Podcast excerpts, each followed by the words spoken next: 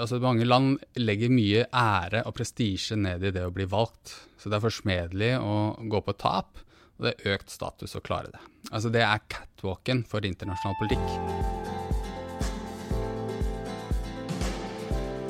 Nupipodden.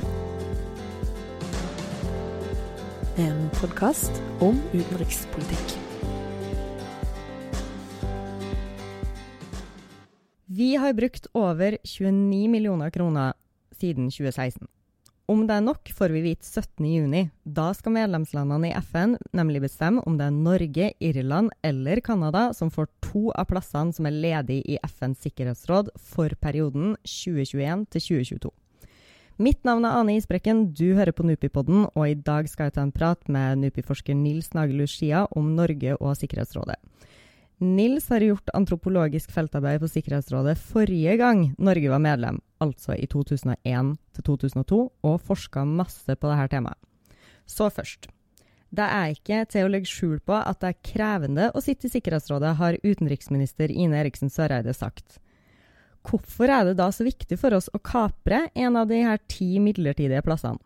Mange vil mene at det er viktig, og andre vil mene at det, ikke, at det er viktig at vi ikke gjør det. Hvorfor det? Det er jo, det er jo bred, ganske bred enighet sånn politisk om at vi skal gå for dette her, men, men, du har noen som mener at vi ikke bør gjøre det. Og de som mener at de bør gjøre det, de fremhever gjerne eh, at Norge som et lite land i verden For Norge er det viktig med en multilateral orden, verdensorden. Sikkerhetsrådet er det organet som kan ivareta uh, internasjonal fred og sikkerhet gjennom bindende beslutninger, og som alle land har sluttet seg, nesten alle land har sluttet seg opp mot. Multilaterale verdensorden er en hjørnestein i, i, norsk utenrikspolitikk og i norsk eh, politikk. Andre mener at uh, vi ikke bør bruke penger på dette her, og at andre land er bedre i stand til å ivareta, eller i hvert fall like godt i stand til å ivareta Sikkerhetsrådets funksjon som det Norge er. Og da bør vi heller bare droppe å bruke pengene på valgkamp og, og uh, ressurser på å være med der, og heller uh, bruke de mer bilateralt eller på andre ting gjennom andre kanaler. Mm. Hva innebærer det egentlig å være medlem i FNs sikkerhetsråd? da? Det vil jo da innebære å sitte ved bordet sammen med de 15 andre medlemmene rundt hesteskobordet og vedta resolusjoner som er bindende for internasjonal politikk så det vil være diplomater, norske, norske diplomater fra den norske utenrikstjenesten, som, som er eh, plassert i delegasjonen i, i, New York, og som følger opp eh, de ulike ansvarsområdene eh, vi blir tildelt eller tar i, i Sikkerhetsrådet i to år. Nå vet vi jo, eh, og vi skal komme litt tilbake til det, at det er fem eh, faste medlemsland som har eh, vetorett. Det skal vi snakke litt mer om. Men er det sånn at foruten det så har alle sammen like mye makt? Har Norge like mye makt som et større land som sitter på en midlertidig plass, f.eks.?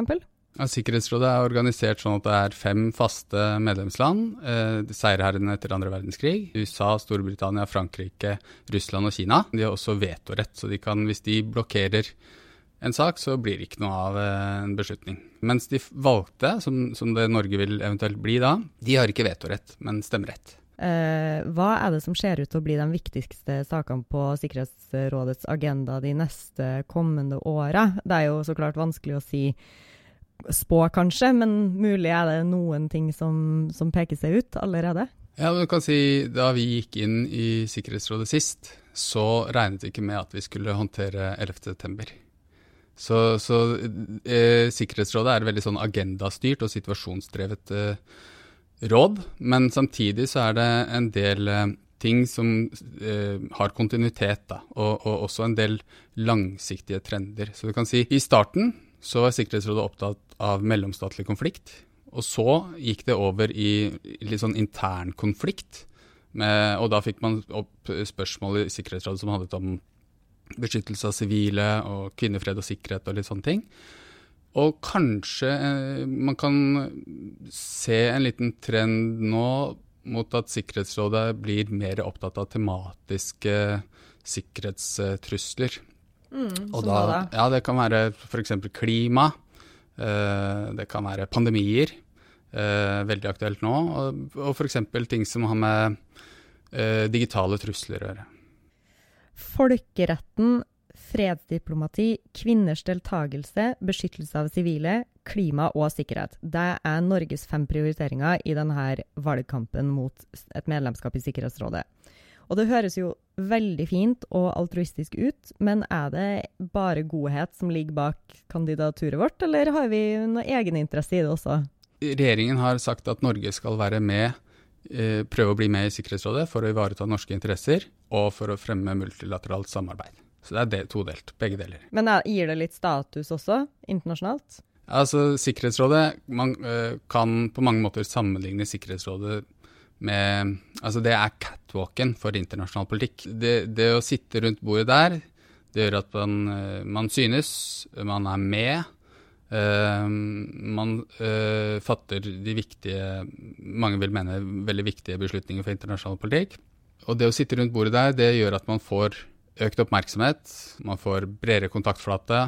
Eh, flere land, flere diplomater vil i den perioden søke mot norske diplomater og, og norsk utenrikspolitikk, så de blir mer relevant. Mange land legger mye ære og prestisje ned i det å bli valgt. Så det er forsmedelig å gå på tap, og det er økt status å klare det.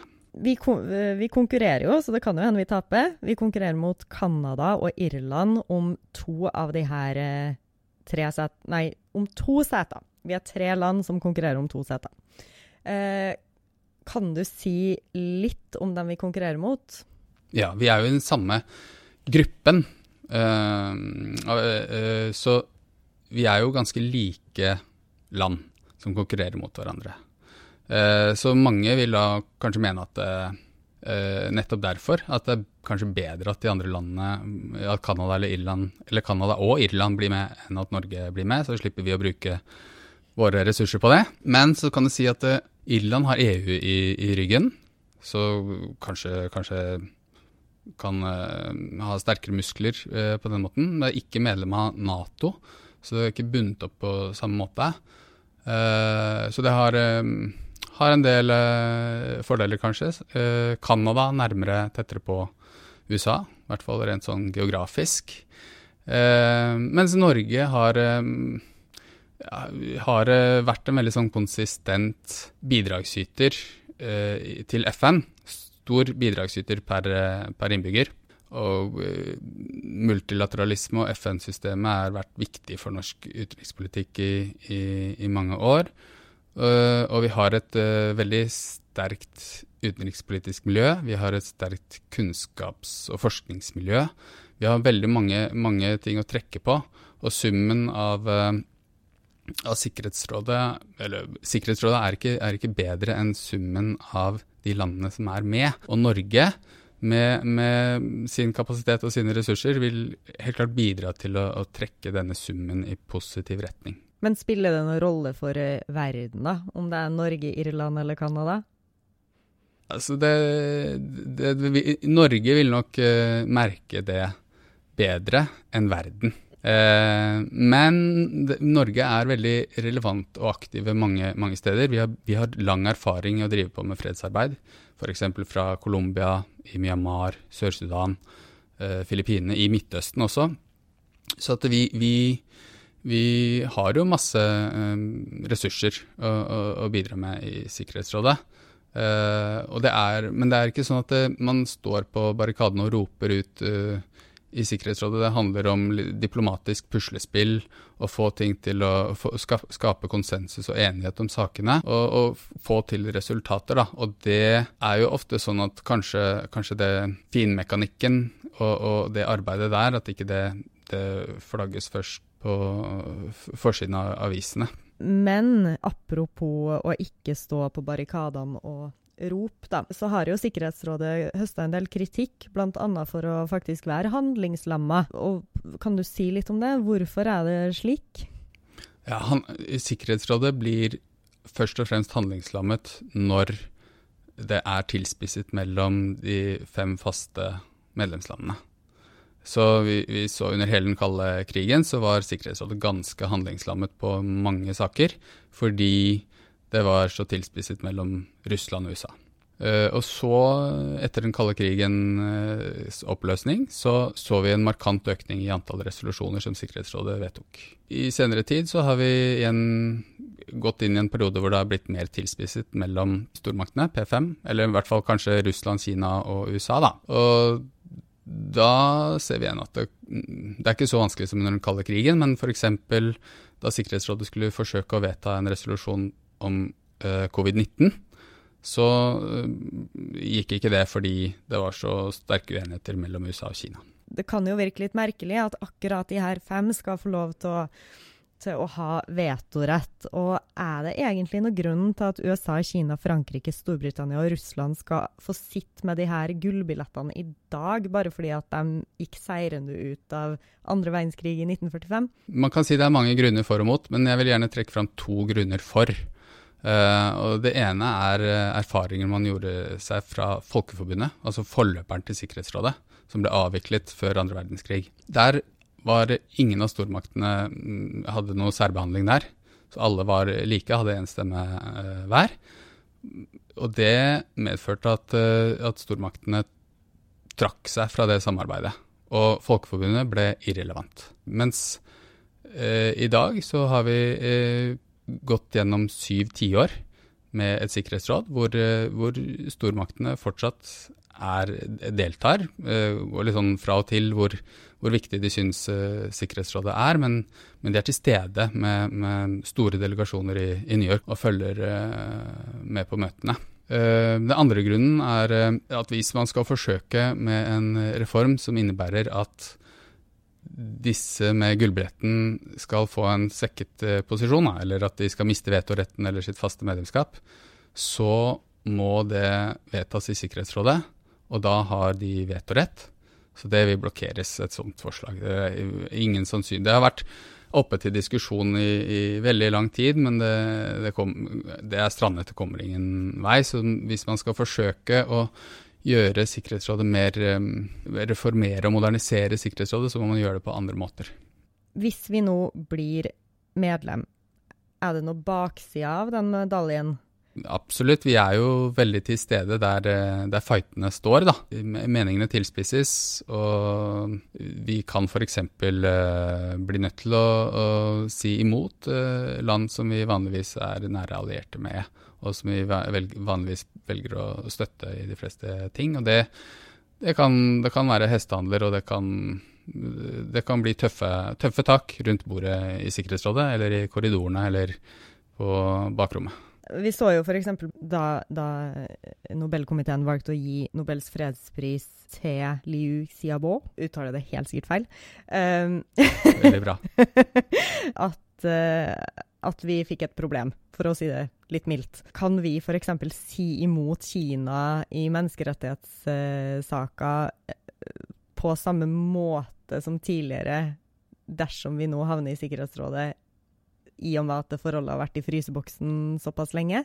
Nei, det, det spørsmålet ville jeg heller stilt til diplomaten og utenriksministeren. Ja. det, det, må i så fall gjøres på en diplomatisk måte, tipper jeg. Mm. Men, eh, men, eh, Norge har jo eh, det er jo viktig, Menneskerettigheter er en av grunnpilarene å stå, stå opp for, for Norge.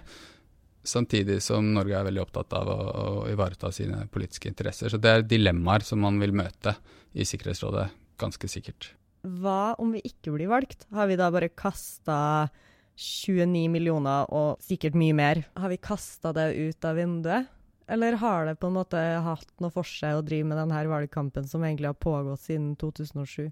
Altså, det har jo, valgkampen har jo boostet øh, norsk utenrikspolitikk mot uh, sikkerhetsråd og sikkerhetsrådssaker på mange måter, da, som, er, eh, som, som, ikke forsvinner, den kunnskapen og de erfaringene og de, den kontaktflaten.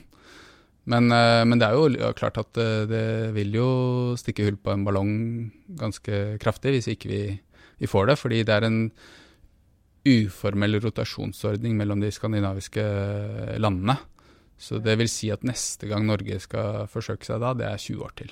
Ja, og det er ganske lenge. Er ganske har. For ordens skyld så kan vi jo si at vi har vært der fire ganger før. Mm. Så dette blir den femte. Vi har alltid klart å, å, å, få en plass når vi har gått for det. Og så til slutt så må jeg bare spørre, da.